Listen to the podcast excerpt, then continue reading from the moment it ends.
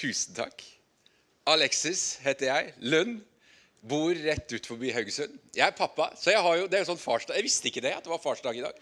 Vi er så lite sånn i vår familie med sånne uh, greier. Men uh, sånn er det. Men jeg er pappa til fire, og jeg er svigerfar til to. Og så, sånn, uh, og så har vi sånn to sånn kjærestebarn i familien vår, og det er jo kjempespennende når disse tingene begynner å skje. Det er utrolig spennende. Og jeg jobber i Tro og Medier som jo er en, en, medieorganisasjon som holder til i Bergen. Som ble etablert i 1935 som kristelig lytterlag på nynorsk. Men eh, ellers er jeg en venn, da. En pinsevenn. Jeg er, jeg er han gamle gubben på kjøkkenet i Tabernakelet Haugesund. I ungdomsmiljøet. Og der liker jeg meg veldig godt. Og hvis folk spør meg ja, hvor jobber du hen, Alexis, så svarer jeg ofte med å si at jeg jobber i Dødsskyggens dal. For det er, det, er, det er, der jeg jobber. Jeg jobber med ting som er vanskelig, som er utfordrende, som handler om skam og skyld, seksualitet på avveie Alle disse her vanskelige, vanskelige spørsmålene. Og um, Det er, det er litt merkelig at det har blitt sånn i mitt liv, men sånn har det nå blitt. Uh, men jeg smiler mye. Jeg er generelt uh, stabil og glad og lykkelig og har det greit. Og det er jo fordi at jeg som regel har jo en, en bedre fortelling å formidle når jeg kommer inn i denne dødsskyggens dal. Og ehm, Det å bli invitert hit Kristoffer, det er kjempespennende. Og Vi får se hva som skjer litt på sånn skolefronten. For jeg, jeg har mye greie på, på, mediebruk og barn og hva de gjør på de ulike medieflatene. Og, og Da har jeg en litt sånn annen hatt på meg. Da har jeg barnevakten.no-hatten på meg. Men eh, i dag så har jeg tro- og medier-hatten på meg og, og, bringer jo inn et litt annet budskap. For det er noe som, det er noe som graver dypere i hjertet vårt i sjelen vår, i, faktisk i litt sånn i følelsesregisteret vårt òg.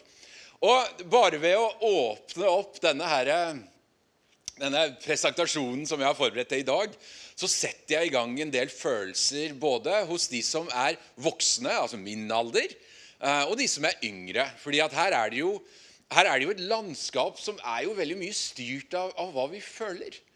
Og, eh, og hvilken retning følelsene våre drar oss. Og det digitale universet som jeg forholder meg mye til, som jeg, jeg, blir mer og mer sånn Hvorfor lagde vi dette? Hvorfor gjorde vi dette? Hvorfor har vi tillatt dette? For det er jo, det er jo så destruktivt på mange områder av livet til mennesker. Det sier jo grunnleggerne av, av både Pinterest og Instagram og Facebook og liksom disse tech-folka som er på min alder. Nei, Barna våre får aldri lov til dette. For det er, det er heftige greier. Og så er det jo noe med at det, det tuller med hjernen vår. Det tuller med dopaminnivået vårt. Det tuller med belønningssystemet vårt. Og det tuller ikke minst med følelseslivet vårt. Og alt dette berører jo til syvende og sist vår ånd som kristne. Altså Det toucher borti noe som er og ligger veldig dypt i oss. For vi er jo skapt med en hensikt. Altså Det er jo en mening med at du og meg er her. Og disse sannhetene som ble proklamert opp her, det er jo Tenk at dere gjør det! Det er så viktig å, å rope ut og uttale sannhet i livet sitt. Hvem jeg er, hvor jeg kommer fra, hvor jeg skal, hva jeg tror. Paulus var jo helt rå på å bekrefte identiteten til mennesker når han skrev til dem. Han starta jo med det, han. Dere er utvalgt. Dere er hellige. Selv om han skulle veilede og gi rettled, rettledning. Uh, og, og, kanskje ganske hard og konkret rettled, rettledning på ulike spørsmål som de hadde. Og um, det at det finnes en bedre historie, den må jo, den må jo forankres en plass. For i dag så, så leter vi som menneskehet etter å bli lykkelige. Og ha det bra. Og finne fred med oss selv og verden rundt oss. Det er jo noe vi mennesker er, er, søkende etter. Men lykke er jo til dels forholdsvis kortvarig. Og jeg, jeg, sier jo til ungdommer For jeg formidler mye til ungdommer. Og jeg sier til dem dessverre, jeg må bare breake den nyheten til dere. Livet består òg av smerte. Det gjør det. Det vil være smerte i livet. Noen får det tidlig inn i livet. Det gjorde jeg. Og noen får det senere inn i livet. Smerte vil være en del av livet. Og da er det jo noe med at vi må forankre noe dypere enn bare en sånn kortvarig lykkefølelse. Som kanskje noe av dette kan gi oss, som går i all slags ulike retninger. Av sosiale medier, av strømmetjenester, av ting vi fyller tankene våre og livene våre med. Som er forholdsvis kortvarig. Om vi går i dette som handler om seksualitet, som jo er veldig mye den retningen menneskeheten går for å søke lykke i dag, så finner vi opp gjerne nye normer. Og grensen går en plass. Det må vi være klar over. Altså, grensen vil være en plass. Om vi så er villige til å pushe på den, så er det en grense en plass. Og Da må vi kanskje trø litt tilbake, og så må vi trekke enda pusten en gang til og tenke Oi, hvordan skal jeg finne mening i livet?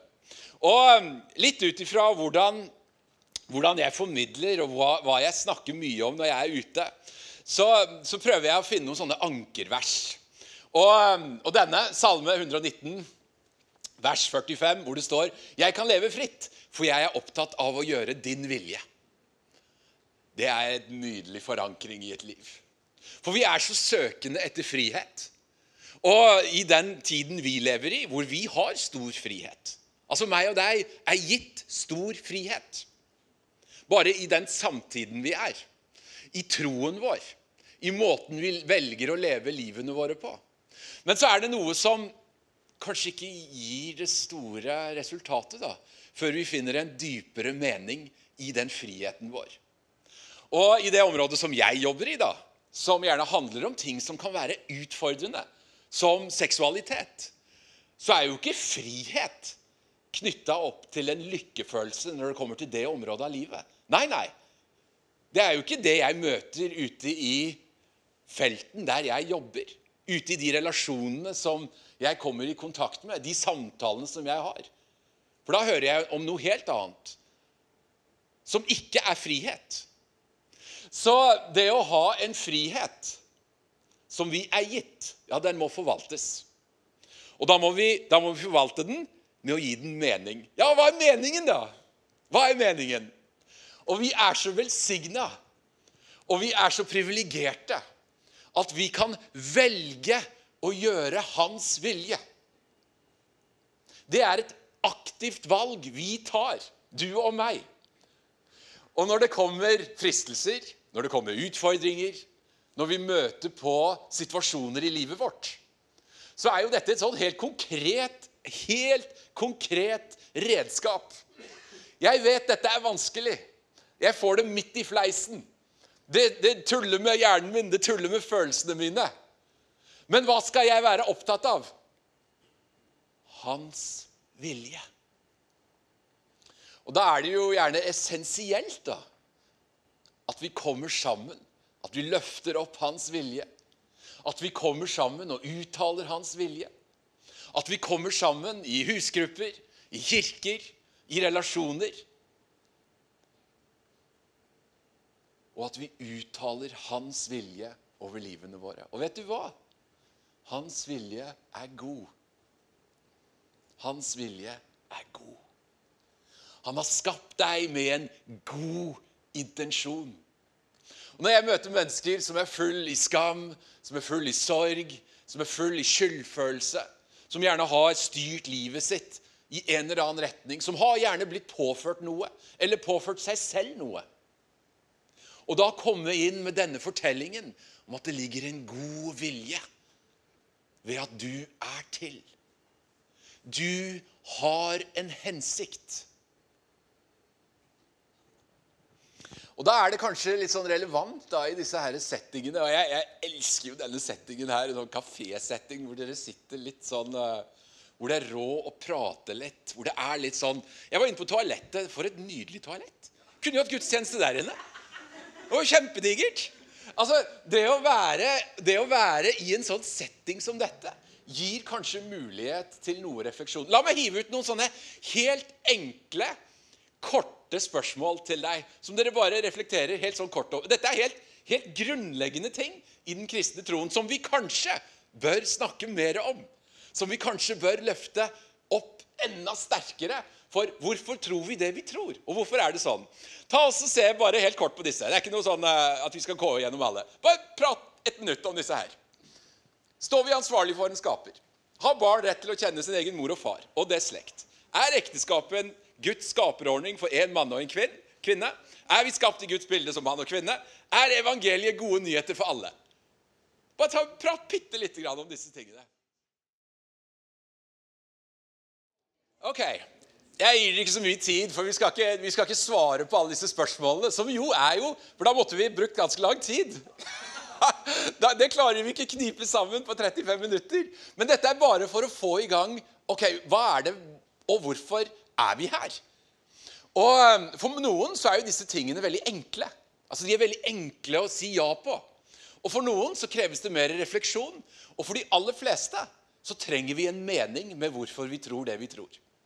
Vi trenger å vite hvorfor er det sånn at vi tror at ekteskapet for eksempel, da, er en Guds skaperordning for mann og kvinne. Da må vi gjerne grave litt i Skriften. Vi må grave litt i det vi har tatt inn over oss som sannhet. Og så må vi gjerne sette opp noen rammer, noen grenser. Og ehm, som jeg sa til å starte med, så er det en grense. Uansett om du tror eller ikke tror, så har vi en grense. Og For noen så handler det om lovverket vårt, hvordan jussen vår i landet vårt er satt sammen. Og for andre som tror, så handler det kanskje om hva vi har valgt som en autoritet i livet vårt. Selv om selvfølgelig lovverket vårt er med å sette rammer og grenser rundt livene våre. Men eh, vi har jo noen felles behov da, som vi trenger å bli møtt på. Og litt sånn i dette her registeret av mediebruk, det å være et menneske i 2021 det å ha all påvirkningen, så må vi gjerne uttale litt disse ulike behovene som vi møter livet med. Og hvordan skal vi bli møtt på disse behovene? Og da er det jo følelsene våre som i stor grad, som i stor grad trenger disse behovene. Vi trenger å bli sett. Vi trenger å oppleve mestring, vi trenger å få bekreftelse. Vi trenger å være elsket, og vi trenger å oppleve nåde. Dette er jo behov som eh, alle mennesker har. Uansett hvor vi er i livet, hva vi tror, eller hva vi har valgt å ikke tro og forholde oss til. Så trenger vi disse ulike elementene. Og så er det jo sånn da, at eh, vi søker dette. Vi leter etter det. Hvor kan jeg bli sett? Du er jo en veldig bra plass nå, for jeg la jo merke til når folk kom inn i dag, så var det jo noen som så deg med en gang. Altså, Det er jo dedikerte mennesker som har til oppgave å se deg når du kommer her. Og så når de hadde gjort jobben sin, så var det andre som tok kontakt og sa hei. Mestring. Det å oppleve at vi mestrer noe i livet. Ja, det er jo med å løfte oss. Og mestringsbehovet blir jo i dag stort sett veldig mye møtt i, på, i gamingfronten med spill. Men eh, det å oppleve mestring på mange andre områder av livet er jo selvfølgelig viktig for oss. Det å få bekreftelse, det å være elsket, det vet vi jo så mye om. Det er så spennende å lese artikler skrevet av mennesker som jobber med premature barn. Hvor viktig disse tingene er. Å være elsket ekstremt tidlig i livet. Selv har jeg jobbet mange år i barnevernet med ungdommer som ikke opplevde å bli elsket tidlig i livet. Som utvikler dette som da heter relasjonsskader. Hvor det er så godt som nervebaner som blir klippet av. Og det er enormt med arbeid. Det er enormt med prosesser som skal til å kunne opprette og inngå nære relasjoner over tid. Alle disse tingene er jo noe vi vet. Og det å oppleve nåde er jo noe vi mennesker responderer utrolig godt på. Verden der ute er nådeløs. Verden her inne, i troen, i kirkerommet, er full av nåde. Du er elsket. Punktum. Det henger ikke en betingelse om du gjør sånn, om du kan det eller mestrer det. Du er elsket. Punktum. Og så har vi jo disse historiene våre, som i et rom som dette er Vi kunne brukt lang tid på å fortelle historiene våre, på godt og på vondt. Men så blir vi òg fortalt, og vi tar inn over oss historier som uh, gjør inntrykk på oss, og som endrer oss. som spiller på følelsesregisteret vårt. Og da må vi igjen, da, muligens finne historier som er forankret i mening. Hvis jeg tar en historie fra verden jeg jobber i, som eh, jeg sa var dødsskyggens dal, som handler om avhengighet, som handler om et, eh, en seksualitet på avveie, så oppsto det en ganske spennende trend på Reddit, som er en sånn stort sosialt plattform for noen år siden, hvor de ga en utfordring. Og Utfordringen gikk på ikke se på porno og ikke onanere på 90 dager. Og eh, det var jo utrolig, Det et totalt verdslig opplegg. Har ingenting med kristen tro å gjøre. Og så leser jeg nedover, tro, nedover tråden, kommentarfeltet, hvordan mennesker vitner om en bedre liv. Bedre kontakt med seg selv og sine følelser når de mestrer denne utfordringen. Bedre relasjoner. Et annet syn på kroppen osv. For vi har jo grensene våre er jo forankret i en dypere mening. Enten vi tror eller, tror eller ikke. Så er grensene våre forankret i en dypere mening. Og da kan vi jo gjerne gå inn i sånne helt, helt uh, ferske ting. Som uh, Squid Game, som jo er den mest populære serien på Netflix noensinne. Som jo er en, for så vidt en kopi av både nazisme, fascisme, massedrap, folkemord, undertrykking, men som bare eksploderer. Hvor eh, barn i barnehager før lekte rødt lys. Du skal løpe, og så skal du stoppe opp. Men i denne leken da, så blir du skutt hvis du beveger deg. Og Dette er jo historier som former identitet, og som vekker følelser i oss. Og da igjen da, må vi gjerne trø litt tilbake til hvem er jeg? Hvorfor er jeg? Hvor kommer jeg fra? Og hvordan skal jeg håndtere denne verden, som jo er så utfordrende? Og da er vi nødt for å snakke om vår identitet. I, uh, I vår kristne tro, i vår kristne tradisjon, så er dette med identitet helt essensielt. I eh, Matteus 3,17, hvor eh, Jesus blir døpt av døperen Johannes, så lyder det en røst ifra himmelen som sier Dette er min sønn, den elskede, i hvem jeg har velbehag. Gud Faderen snakker identitet inn i sin sønn. Det å snakke identitet inn i mennesker, det har noe for seg. Og når Gud modellerer dette, og vi kan gå bakover i historien Og vi kan lese og vi kan se og vi kan lese historiene om disse menneskene som fikk formet sin identitet på en guddommelig måte. Og vi kan starte med Abraham. Et nytt navn, et nytt land, et nytt folk. Gud snakket identitet inn i denne mannen og hans slekt i den tiden han levde i. Moses, som vi jo kjenner historien til, som vokste opp hos egypterne. Hvordan Gud formet livet hans. Kalte han til seg selv, til sitt folk. Hvorav han grep om og omfavnet sin identitet.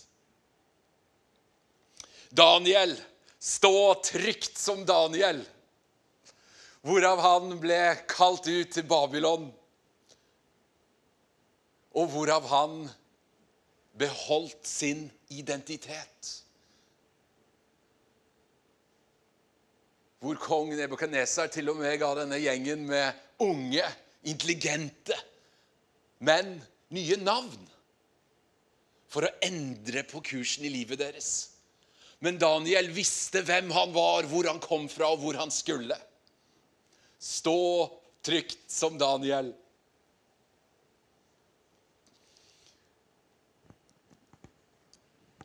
Eller Ester, denne modige, foreldreløse flyktningen i et fremmed land.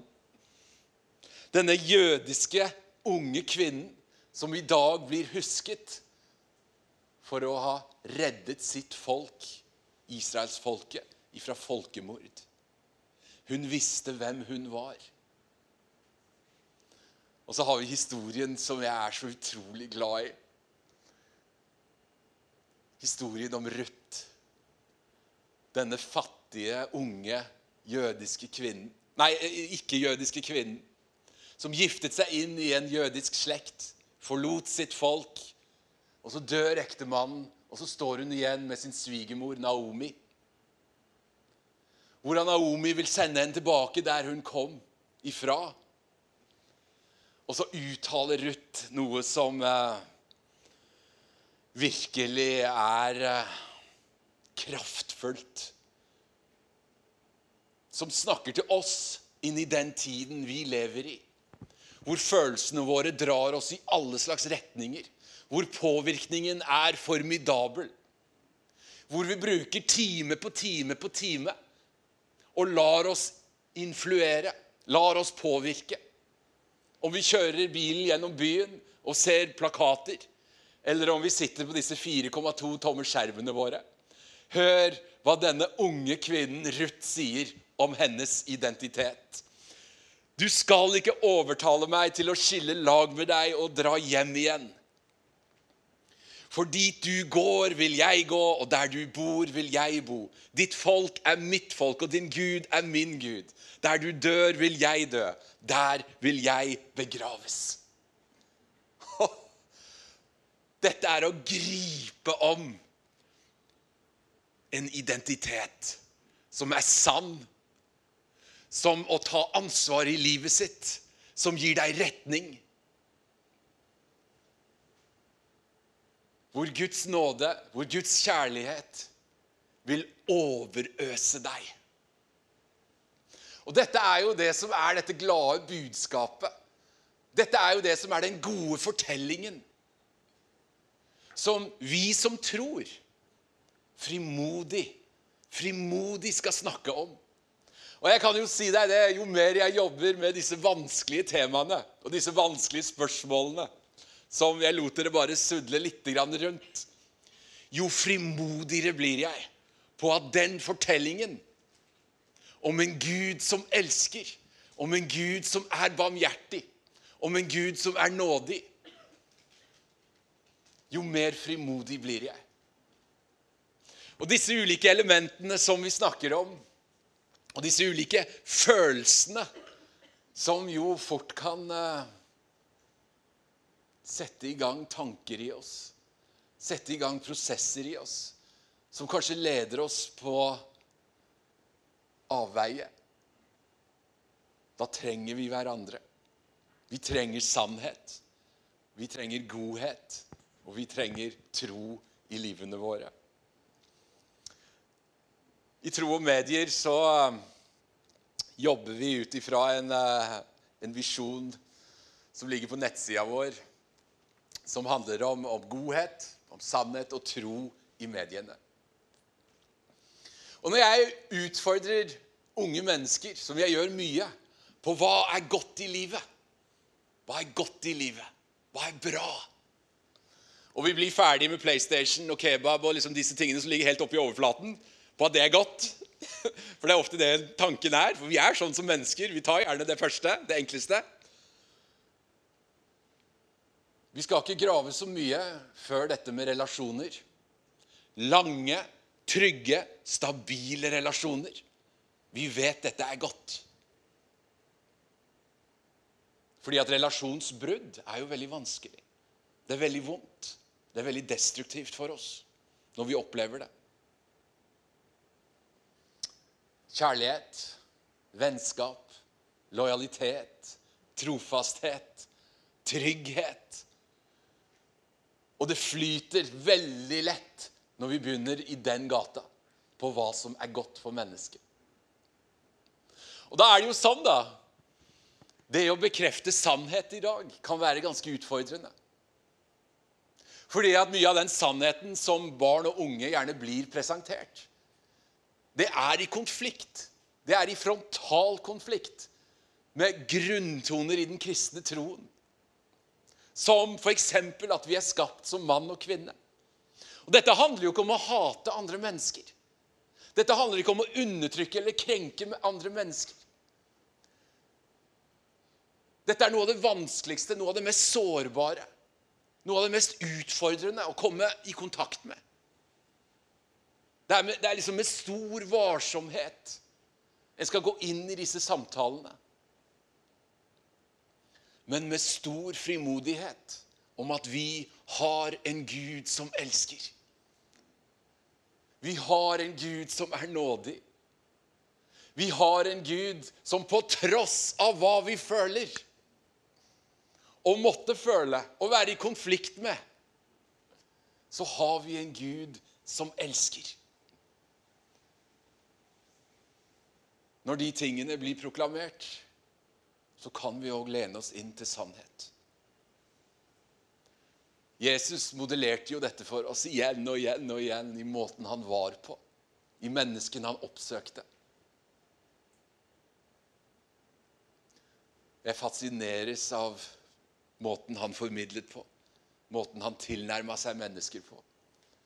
Om det er den rike unge mannen som gikk trist derifra, eller om det er den vanskelige historien i Johannes 4. Denne kvinnen som var så full i skyld og skam, men som løp inn i byen og ropte ut hun har møtt en profet. For hun hadde blitt fortalt en bedre historie om livet, om kroppen, om hvem hun var, hvor hun kom fra, og hvor hun skulle. Jeg liker meg ute på fjellet. Jeg liker lange, kalde turer fordi at jeg er sånn. Det er der jeg opplever mestring.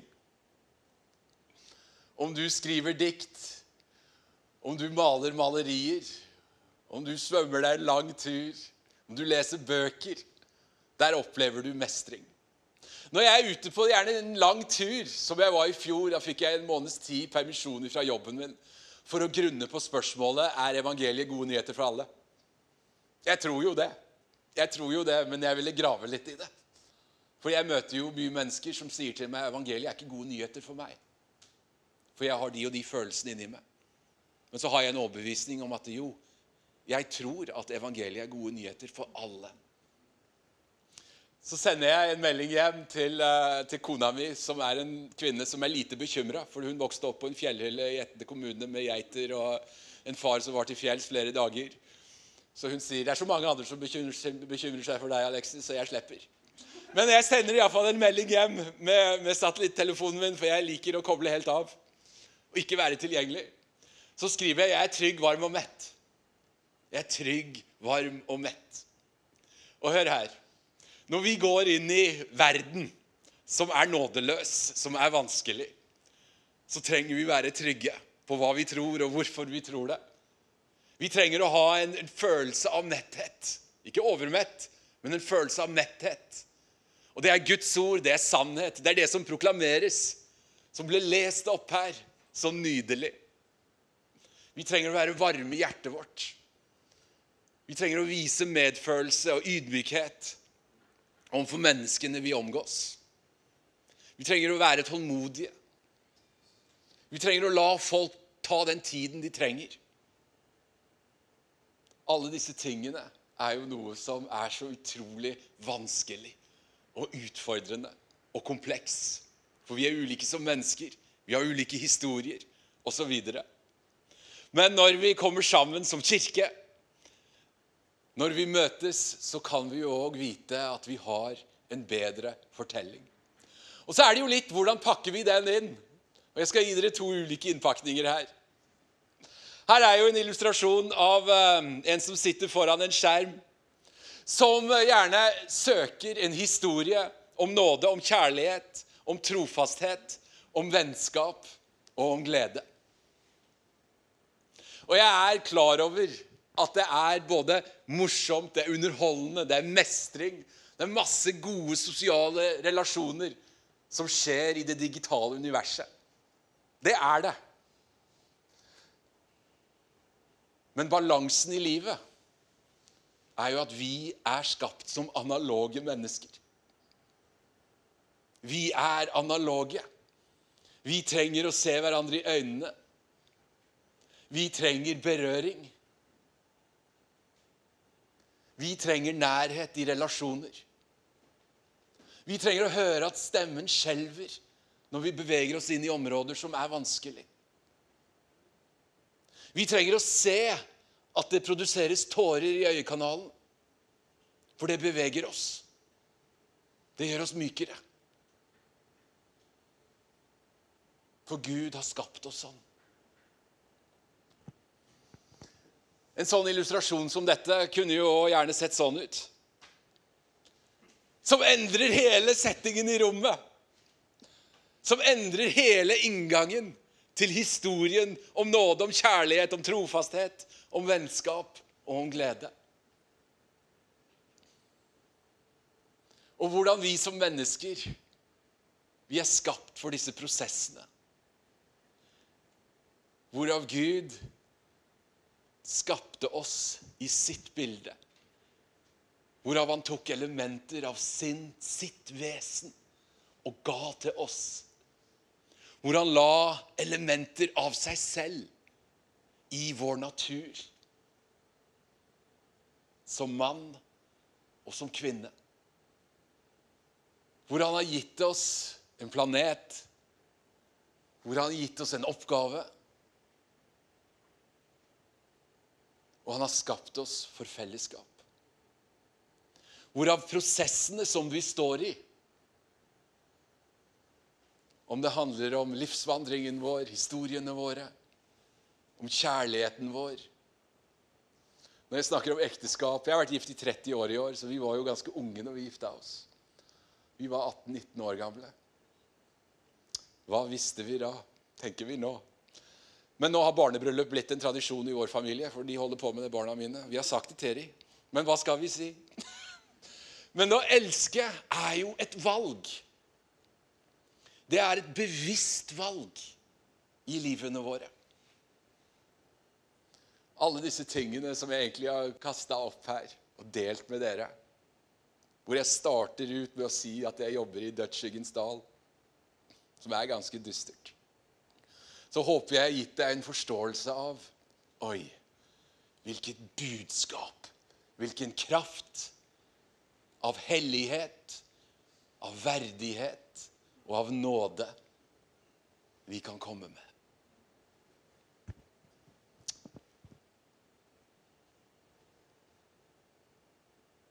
Jeg avslutter med en bønn. Og hvis dette er noe du responderer på, så gjerne ta en prat med meg eller noen andre av lederne her, Stoffer, i etterkant. Himmelske Far, jeg takker deg for din nåde. Takk, far, for at du har skapt hver enkelt av oss med en hensikt.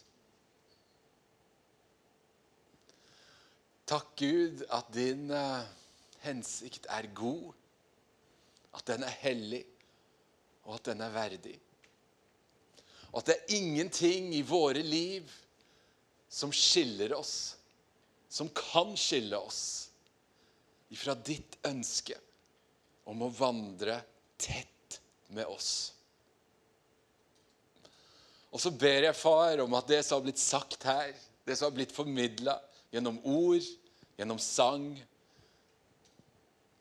gjennom proklamasjon, som er ut ifra ditt hjerte, er noe som skal vokse, noe som skal gro, og at din kjærlighet er noe alle skal kunne virkelig kjenne og oppleve når de reiser seg opp og går herfra. Amen.